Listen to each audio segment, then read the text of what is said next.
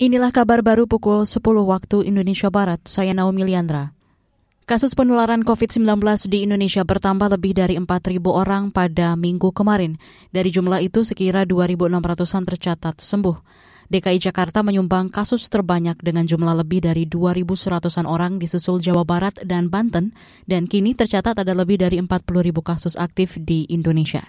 Sementara itu untuk program vaksinasi hingga kemarin tercatat angka vaksinasi pertama sudah hampir 100 persen, sedangkan vaksinasi kedua sudah lebih dari 169 juta dan vaksin booster mencapai 54 juta jiwa. Pemerintah menargetkan lebih dari 208 juta jiwa warga divaksinasi sebagai upaya penanganan COVID-19. Pengawasan dan kepekaan orang tua serta guru di sekolah menjadi kunci utama untuk mencegah anak menjadi pelaku atau korban perundungan. Ini disampaikan Gubernur Jawa Barat Ridwan Kamil merespons kasus perundungan di Tasikmalaya yang mengakibatkan korban berinisial FH meninggal.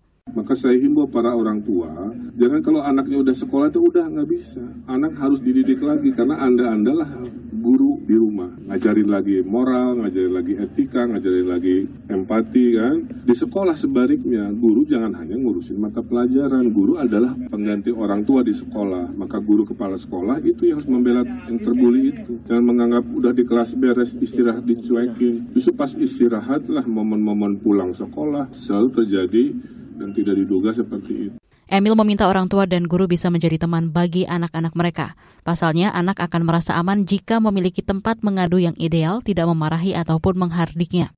Sebelumnya, seorang bocah 11 tahun meninggal setelah dipaksa menyetubuhi kucing oleh keempat teman sekolahnya. Perbuatan itu kemudian direkam dan disebarkan hingga membuat korban berinisial FH depresi berat dan meninggal saat menjalani perawatan. Kita beralih ke berita selanjutnya. Indeks harga saham gabungan IHSG pagi ini dibuka menguat 3,87 poin ke posisi 6.890. Pada akhir pekan lalu, IHSG ditutup di posisi 6.886. Sementara itu, indeks LQ45 atau kelompok 45 saham unggulan naik 0,78 poin ke posisi 974,82. Untuk nilai tukar rupiah, awal pekan ini juga dibuka menguat 29 poin ke posisi 14.985 per dolar Amerika dibandingkan posisi penutupan perdagangan sebelumnya, yakni 15.014 per dolar Amerika Serikat. Demikian kabar baru KBR, saya Naomi Liandra undur diri.